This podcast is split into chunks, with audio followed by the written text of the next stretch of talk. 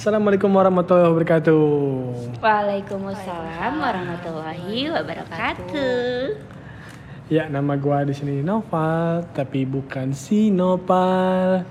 Terus namanya siapa dong? Ya, Noval, tapi bukan si Nopal animasi itu. Maksud gue nama lengkap lu. Oh, ya nama gua Muhammad Noval Rafiuddin. Oh, Gua di sini mau ngobrol sama teman-teman gua. Sekalian direkam jadi podcast kan lumayan. Gua bakal ngobrol banyak hal sih, cuma dalam hal ini bakal seputar kerjaan aja. Oh iya, tadi udah dengar suara-suara kan? Langsung aja deh, ini teman-teman gue siapa sih? Sini ada ada gue Putri, Putri Ramayani. Gue asalnya dari Krenji, Kranji. Bekasi Barat. Oh, ada podcast juga nggak? Ya gue ada. Nanti gue akan info deh. Oke. Oke.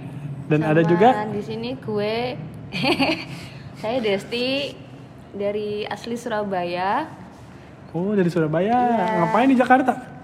ngemper Oh, Biasanya ngomongnya cuk ini kok lembut banget sih. nggak boleh gitu Oh, iya. di sini. Aduh. Nggak Oke, boleh ada nggak boleh ada ada cok waktunya. aja. Oke, baik. Umpatan-umpatan Ini belum emosi ya, jadi Mm-mm. ngomongnya nggak cuk, cuk. Oke. ya masih ngobrol cantik Mbak Desti dari Surabaya. Kerja di sini. Iya dong Oh, nyambung sama tema kita hari ini. ya nyambung nyambung aja Emang apa sih temanya? Apa emang? Jadi di episode kali ini, berarti ini episode pertama sih.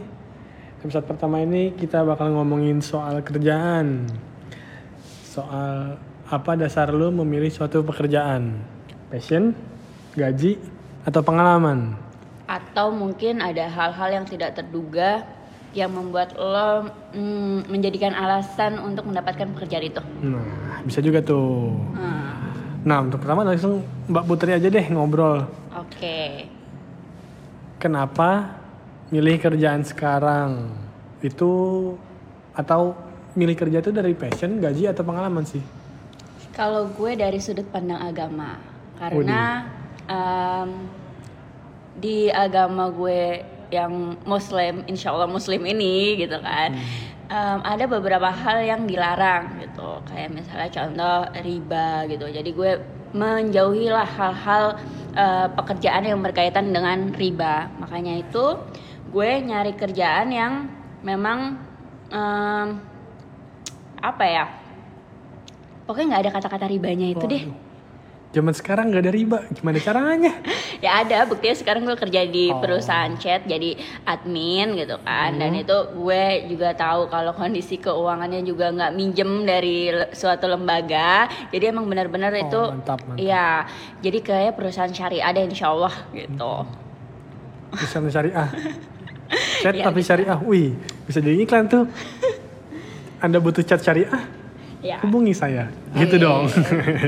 Terus terus Jadi berarti kalau lu dari keagamaan ya? Iya, heeh. karena gue mikirnya gini, eh, bokap nyokap gue aja udah nyokolain gue sampai kuliah dari hasil yang benar-benar halal. Masa giliran gue sekarang kerja, em, gue menghasilkan duit yang tidak halal untuk kedua orang tua gue sih gitu kan. Rasanya kayak miris banget. Makanya itu pernah sih kemarin sebelum gue eh, kerja yang sekarang gue itu kerja di suatu eh, lembaga peminjaman uang kayak Hmm, untuk iya. kredit motor mobil gitu. Mm-mm. itu juga hukum ribanya ngeri banget ya. Oh, nah pasti. gue discuss lah sama atasan gue. Gue bilang gimana ini pak? Eh, eh, baiknya gue tetap stay di sini atau gue eh, harus pindah gitu. Dan emang alhamdulillah sih atasan gue ini emang kenal banget agama sebenarnya. Cuma dia sayangnya udah terjerumus lebih jauh gitu karena emang dia dari awal lulus kuliah dia bekerja di tempat riba makanya kalau ke depannya agak sulit buat pindah ke tempat lain. Hmm, karena ya, kalau ya, misalnya udah riba pengalamannya dia di riba ya di perusahaan selanjutnya yang diambil ya pengalaman sebelumnya. Hmm. Gitu jadi kata bos gue mumpung lo masih muda belum ada tanggungan cari yang lain lah gitu akhirnya gue cari-cari dan alhamdulillah dapat yang lebih baik dari sebelumnya Hmm. gitu Dapat yang lebih baik dari sebelumnya. ya karena apa cuy Kayak cari apaan tuh? Gue gue ceritain lagi nih. Em, jadi gini, Kenapa gue bilang dapet yang lebih baik dari sebelumnya? Karena yang sebelumnya gue adalah karyawan outsource di perusahaan riba itu dan ketika gue memutuskan untuk meninggalkan itu demi em, agama gue, Hmm. gue eh, dapat lagi tapi jadi outsource lagi. Cuma gue outsource-nya nggak lama. Gue sekitar empat bulan tiba-tiba langsung di hire jadi karyawannya dan dan alhamdulillah gue sampai sekarang masih bekerja di perusahaan yang ini status dengan karyawan tetap gitu. Jadi lo ninggalin satu yang buruk, lo mendapatkan kebaikan yang bertubi-tubi Masya gitu. Allah. Subhanallah gitu. Masya Allah, Masya Allah. Subhanallah. Iya, itu dari syari syariah banget. Anak Ya kan? hijrah ya? Ya karena ya lu coba uh, lihat-lihat di YouTube deh. Bahayanya riba. Bahkan ada yang mengatakan kalau itu sama aja kayak lo melakukan suatu dosa uh, berzina dengan ibu lo sendiri. Masya Allah. Gitu. Kalau nggak salah pernah deh. Coba lo searching. Dan itu Iya, bikin Jadi teman-teman ini kita semua podcast hijrah ya. Kita pesaingnya hijrah kuy. Iya, mungkin eh, cerita gue ini uh, bisa menginspirasi kalian yang nah, mungkin betul kalian tuh. Iya kalian juga ragu-ragu selama ini kalau kalian mikir kalau gue tinggalin yang sekarang gue takutnya nanti nggak dapet nggak usah pikirin kayak gitu jadi ya kalau lo emang meninggalkan benar-benar buruk itu emang buat demi uh, Allah gitu ya itu tuh pasti akan dapat ganjarannya lebih baik lagi Oh gitu. pasti. Nah, Istiqomah. Istiqomah. ya Nah, Mbak Putri kebanyakan ngomong. Yang satu ini nggak kedapatan ngomong nih. Eh, pendiam mas. Oh pendiam. Ya udah. Ngapain ikutan podcast? Jual jamu mas. Jangan gitu jadi stereotip orang Jawa makin ke arah sana dong, makin Itu ya? tukang jamu, kampungan. Kan emang udah gitu. Jamet, Nggak, jamet. maaf bercanda ya Allah. Shh, Jangan gitu. Nanti Oke. banyak orang-orang yang tersinggung. Gua tuh itu jaim tapi ya. ya udah gimana Mbak Desti? Kerjaan tuh cari apa? Ya cari duit lah. Maksudnya Ya udah tahu jawabannya. ya, maksudnya dari sudut pandang Mbak Desti tuh gimana kerjaan tuh? Waktu ngelamar kerja cari yang wah gaji di sini gede atau ah gua mau jadi ini atau gimana tuh? Kalau aku ngomong agak medok nggak apa-apa ya. Ya nggak apa-apa asal jangan dipaksa. Ya. Ini bukan podcast Jawi, Jawa. ya jadi kan aku kan kuliahnya ber ini berhubungan Waduh. dengan desain. Saya kan desain interior. bentar, maaf. Ya. Ini anak Surabaya ngomongnya aku, Iya, bukan jangan gua. gitu.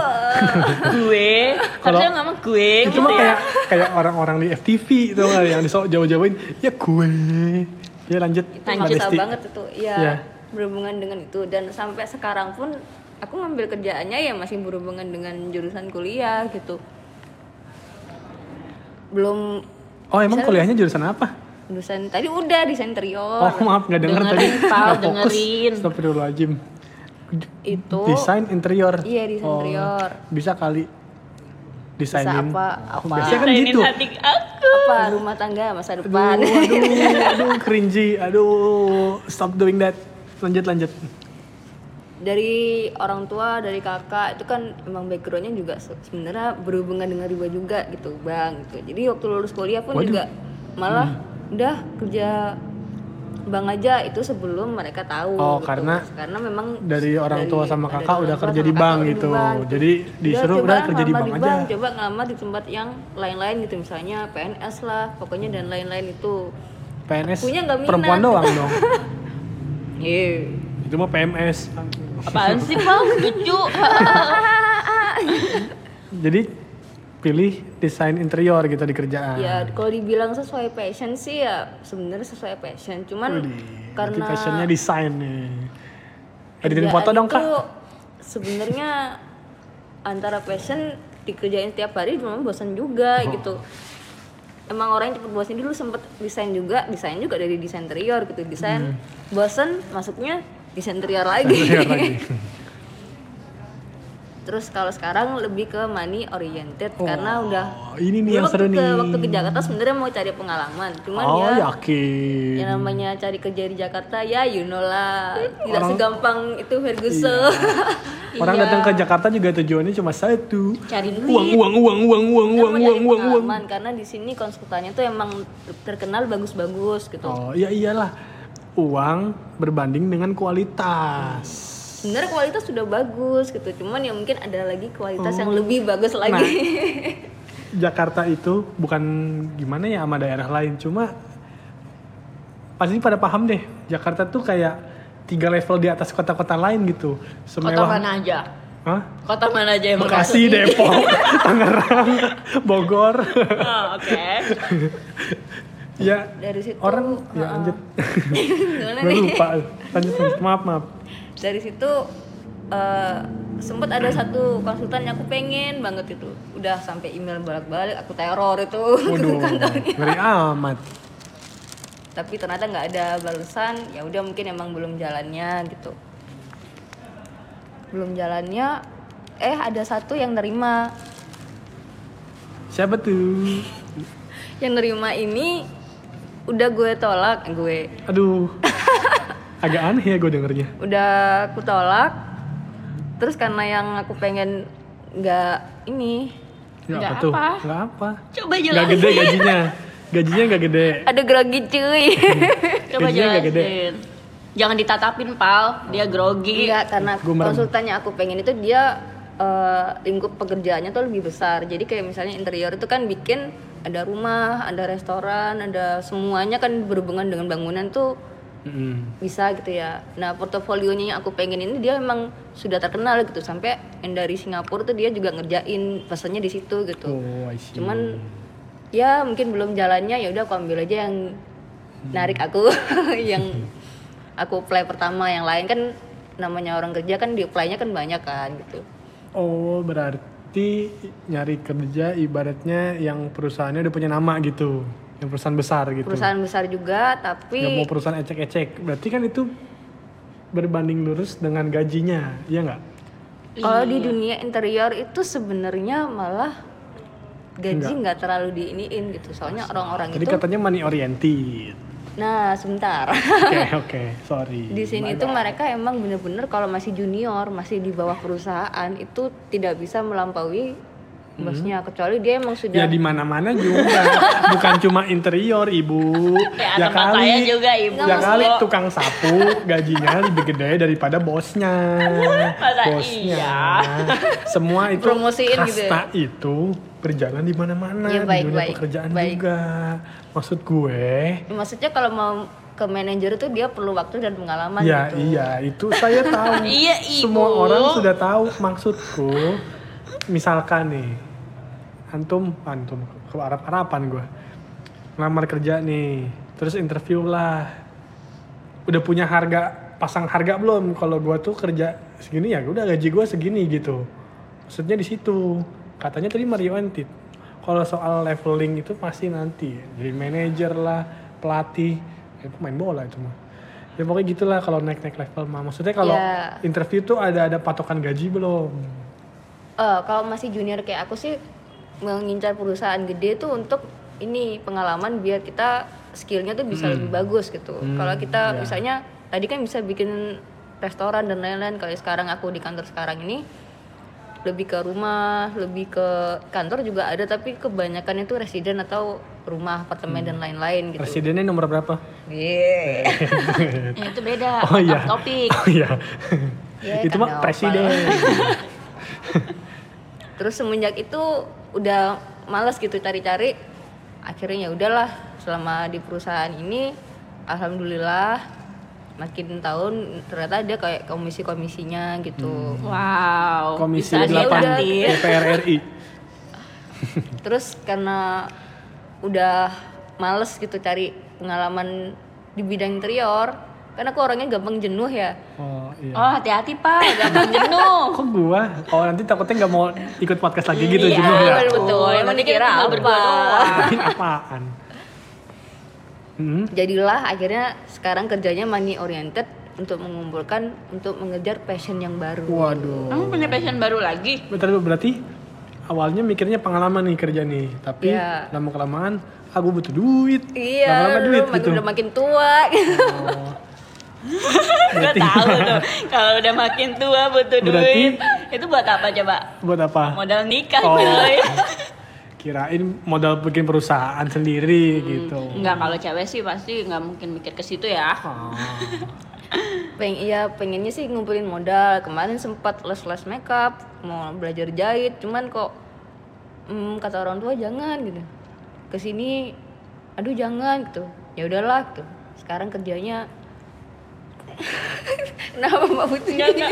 gue sengaja menjauh dari suara soalnya gue lagi ngunyah. Maaf, maaf ya. baik baik baik jadi gitu sebenarnya pengen usaha tapi karena sekarang kan nggak mungkin kan tiba-tiba usaha tapi nggak ada modalnya dan lain-lain gitu Hmm. jadi sekarang jalani aja dulu gitu Baik, baik, siap. Nah, Tadi lu, ah gue jadi lupa tadi. Makanya nyambung sama lu lupa. obrolan.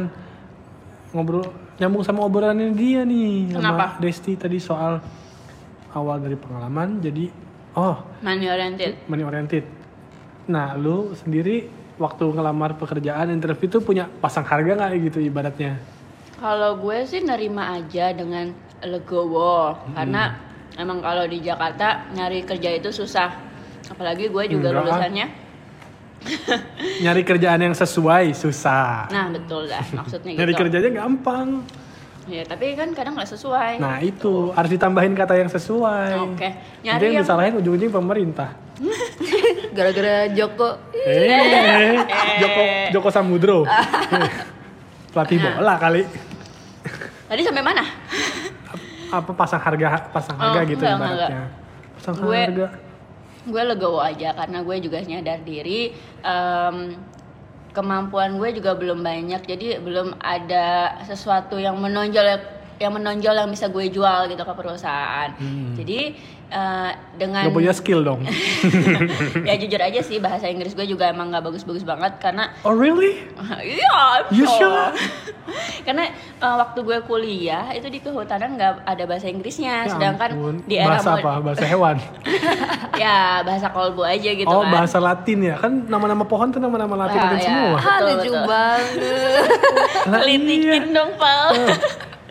Jadi ya karena kita di sini bersaingnya dengan orang-orang yang memang em, apa punya skill yang keren-keren abis eh, terutama dalam bidang bahasa. Jadi gue dengan sadar diri makanya gue terima aja dan dari situ gue nerima pekerjaan em, membuat gue lama kelamaan skillnya jadi eh, terbentuk gitu loh yang tadi gue nggak bisa bahasa Inggris di perusahaan gue jadi gue bisa bahasa Inggris Oh karena gitu perusahaan multinational gitu ya ya. karena multinational company Jadi bahasa Inggris tuh bahasa Iya. utama atau Iya, gue ngelak eh, semua pembicaraan, email itu pakai bahasa Inggris karena bos gue sendiri itu dari India. Oh, Gitu. India. Aha, eh. Oh, nah ada India. Apa? ha? Aca ya. Aca, Aca gitu. Nah, tadi ada dua orang. Gue sendiri belum Mary ngomong. Iya, lo sendiri gimana? Menurut lo, lo mencari suatu pekerjaan berdasarkan apa? Kalau gua sih pengalaman. Karena Nah, gua mau kalau memang nggak tahu dari kecil atau udah entah dididiknya seperti atau akhirnya terbangun sendiri, gua tuh justru pengen punya kerjaan sendiri, ibaratnya bikin bikin usaha lah gitu kan, segala macem. Jadi pertama kali, nah kalau beda sama kalian, kalau kalian kan mencari kerja. mencari kerja. Kalau gua alhamdulillahnya dapat kerjaan. Dapat kerjaan. ya Gimana karena maksudnya? memang bokap gua kan seorang pengusaha, udah ada usaha. Nah, gua dilibatkan lah di pekerjaan di kantor bokap gua ini di di bagian travel Berarti perusahaan keluarga gitu ya, Pal? kurang lebih seperti itu. Lo bagian apa, Pal? Gua nah, karena gua nyari pengalaman, gua pertama Ntar lu balik dulu deh ke asal kuliah. Oke. Gua kan kuliah di jurusan IT, informatik, informatika, informatik. Jadi pasti mengarahnya ke arah digitalisasi, komputer, teknologi segala macam gitulah. Tapi kalau ngomongin passion, IT mah bukan passion gua. Gue cuma seneng teknologi, tapi bukan ke arah yang bakal menekuti menekuni teknologinya banget gitu. Jadi dibilang jadi programmer juga nggak nggak kepengen pengen banget gitu. Cuma kepengen eh kayaknya seru jadi programmer. Kalau pengennya mah sebenarnya jadi pembuat game gitu karena doyan main game juga. Ah, nah karena ada basis ada bas ada basic dari IT-nya itu bokap gua kan sebagai pengusaha juga wah anak gua di bagian IT nih. Ya udah kerja aja. Nah gue juga tipe-tipe yang rada males. Bukan males sih ya. Gimana ya? Udah ada kesempatan nih dikasih kerjaan peluang. Ya udah ambil aja. Kepengen mah kepengen gitu kan ngelamar kerjaan kayak gitu. Cuma gue tipe yang loh ini udah ada ambil aja sekalian gitu kan pengalaman. Mungkin nanti lima tahun ke depan udah punya apa mungkin ke tempat orang lain atau bikin sendiri bahkan gitu kan maunya segitu jadilah ditarik tapi pas awal masuk ke sini tuh justru bagiannya bukan IT Terus bagian lo apa? bagian apa aja gue apa aja gue kerjain Palu gada dong. palu gada Apa aja lo minta, gue ada. ada. Seksi banget ya. seksi? Seksi pembantu umum. oh gitu ya lucu juga ya orang Surabaya. Tapi waktu itu lebih ke arah bagian ini sih bagian designing sama productionnya. Jadi lebih ke arah sana. Jadi bikin apa souvenir souvenir desain bantuin segala macem. Terus pindah ke bagian admin. Tapi bukan administrasi kayak lu. Maksudnya Iya. admin tuh gua tuh ngurus sosial media ngurus Oh, website kayak gitu-gitu. Oke. jadi gua masih sebenarnya masih ada hubungannya sama IT-nya jadi gua orang pertama jadi tester dari pengembangan atau program yang dibuat di travel gue ini. Misalkan bikin sistem ini pertama kali gue nyoba walaupun dibilang anal dibilang analis juga bukan analis gue bukan analis cuma ngerti ngerti bagian umroh ngerti teknologi. Jadi kalau umroh di teknologi itu gimana gitu gitu gitulah pokoknya. Terus apa pun kerjain. Oh, Kayak zaman sekarang berarti eh, lo yang ngedesain kayak sistemnya gitu kayak bukan gue yang ngedesain. Jadi ada orang yang bikin nah gue yang ngetesnya. Atau gue jadi bantuin eh kalau daftar umrah tuh gimana sih? Atau kalau sistem umrah tuh gimana gimana sih? Gitu kan. Terus nih gue bikin sistem ini nih misalkan ini kan memang cerita sombong jadinya. Lanjut perusahaan gue ini salah satu yang mengawali digitalisasi dari umroh gitu loh. Dulu waktu Wow. dari waktu 2016 karena kan semua sistem umroh pasti daftar pasti sama. Lu datang ke travel Mm-mm. Dikasih formulir daftar gitu kan. Manual gitu nah ya? manual. Di Oke. kantor gue tuh ingin menghilangkan itu semenjak 2015 gitu. Ah. jadi mulai segala macem semua pendaftaran online lah gitu. Jadi dimulai dari online tuh lu cuma buka website daftar blek udah. Terdaftar jadwalnya ada bisa berangkat gitu kan. Jadi sebagai uji cobanya tester lah kalau di bagian programmer tuh bilangnya bagian tester walaupun bukan testernya. Tapi karena gue admin sosial media dan websitenya segala macam gitu. Jadi ngejar pengalaman. Dan alhamdulillah di kantor ini walaupun dasarnya adalah travel haji umroh tapi di sini gue dapat banyak banget pengalaman. Apa aja tuh? ya pengalaman sebagai pekerja di travel umroh tahu bagaimana tuh umroh. Awalnya cuma tahu ibaratnya cuma oh umroh tuh ibaratnya gini gini. Gini akhirnya jadi tahu oh buat daftar umroh tuh sama haji sama haji khususnya. Haji soalnya kan rada ribet. Ternyata kayak gini gini ternyata kayak gini gini pokoknya kompleks lah pengurusan itu gimana cara booking hotel booking. Ya pokoknya gitulah kerjaan gue mah. Gitu-gitu kenapa jadi ngomongin job desk kerjaan coba? Oke. intinya gue nyari kerjaan berdasarkan pengalaman gitu uang ya butuh uang siapa yang nggak butuh uang gitu kan. Cuma dasar awalnya gue nyari pengalaman dan dapat banyak pengalaman. Alhamdulillah banget. Alhamdulillah alhamdulillah. Nah itu kan tapi baru tadi soal baru soal kita bagaimana gue pengalaman putri pengalaman Desti juga passion tapi akhirnya jadi gaji. Nah gue juga pernah dapat cerita dari, dari temen gue nih Siapa tuh namanya? ya nggak usah disebut lah. Oke. Sebut saja mawar. Oke, ya. laki-laki Oh, kok mawar? Jadi dia tuh emang kerjaannya tuh pengen kerjaannya katanya nyarinya. Yang sesuai sama passionnya. Makanya dia udah kerja di kantor ini ngelamar ke situ. Cuma pas trialnya doang akhirnya udah keluar nyari passion. Sampai akhirnya sekarang ya masih serabutan lah ibaratnya gitu kerjaannya. Nggak jelas gimana karena itu saking ngajar passion. Tapi kan itu mah masing-masing orang terserah gimana kan. Gitu intinya. Emang kalau boleh tahu si dia itu passionnya apa sih? ya. Temen lo itu. Boleh Ya, disebarkan nggak ini? gak enak sih sebenarnya. Nah, pokoknya intinya dia ngejar passionnya banget lah gitu. Senangnya intinya jalan-jalan lah gitu. Oh. atau pengen bikin kerjaan sendiri gitu. Maksudnya nggak yang terikat sama perusahaan mungkin kayak gitu. Jadi akhirnya udah kerja ini itu terus nggak nyaman katanya nggak nggak kerja sekarang Ya udah gitulah tapi ada kerjaan cuma bukan kerja kantoran gitu loh masih Ada aja ngejar, pokoknya. masih ngejar passion Hmm, tapi nih kalau misalnya gue tanya, menurut lo orang yang beneran eh, ngejar passion gitu, worth it nggak sih? Worth it nggak menurut lo? Ya maksud gue jangan jadi idealis banget lah ya, karena kalau misalnya lo jadi idealis dan lo nggak dapet, ya lo bakalan nyusahin diri lo sendiri nggak sih? buat gue sih nggak masalah. Oke. tergantung. Iya kalau sih. gimana? Kalau dari aku karena emang ada yang dia passion untuk mencapai passion itu diperlukan skill diperlukan duit aka money. Jadi intinya bersakit-sakit dahulu berpassion passion kemudian ya cuy tapi biasanya kalau yang kayak gitu mah kalau yang nyambung sama fashion biasanya ya nyambung dari kuliah biasanya pilihannya gitu. Iya. kalau dia passionnya udah berjalan di masa dia kuliah kerjaan biasanya masih nyambung. Kecuali kuliahnya nyasar-nyasar gitu. Banyak salah sekarang. jurusan kayak Ana gitu kan. Ana maksudnya gue. Bukan salah jurusan sih cuma suka gitu tapi bukan passionnya ke sana. Kalau orang ngejar passion tapi dari sekolahnya atau dari kecilnya sudah dibangun gitu ah gue mau jadi ini akhirnya jadi tapi karena udah diurut dari sekolah bukan diurut dipijit maksudnya maksudnya di ditekuni dari sekolah gitu. Oke oke. di kuliahnya itu juga yang dia pengen misalkan dokter dia kuliah dokteran akhirnya kerjaannya dokter juga gitu. Kalau gue menurut gue sih gitu.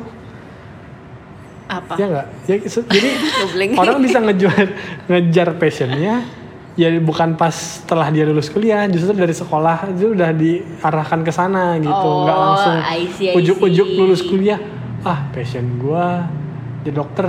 Tapi lu kuliahnya apaan? Kan nggak mungkin. Baru ini passion jadi dokter gitu oh ya. iya cita-cita cita-cita. Iya, nah itu yang passionnya menurut gue- melayani masyarakat gitu. Menurut gue nggak sebanding gitu kan. Ah. Yang ada kalau kayak gitu lu malah menciptakan keburukan di masa depan Nah, lo. itu. Kalau udah tahu passionnya ke mana tapi kuliah ke mana kan ya salah diri sendiri ibarat gitu. Kurang lebih seperti itu kan.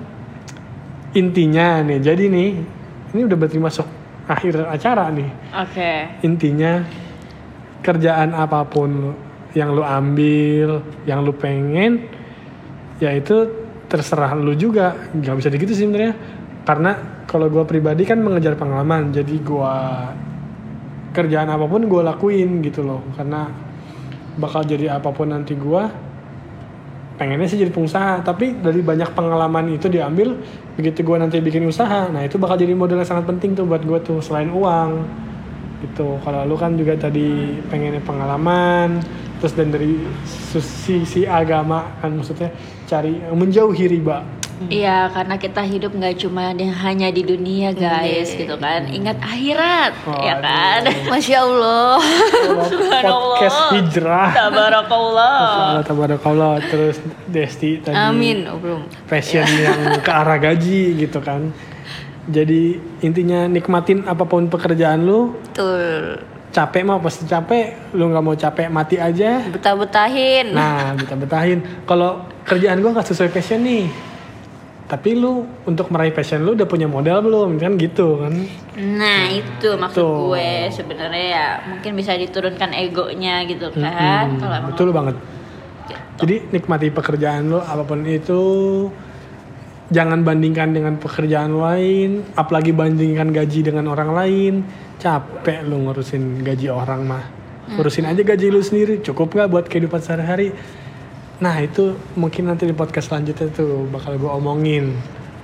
Karena gue tadi dari sudut pandang pengen bikin usaha sama mungkin sama orang kantoran. Nanti mungkin bakal jadi episode baru lagi tuh.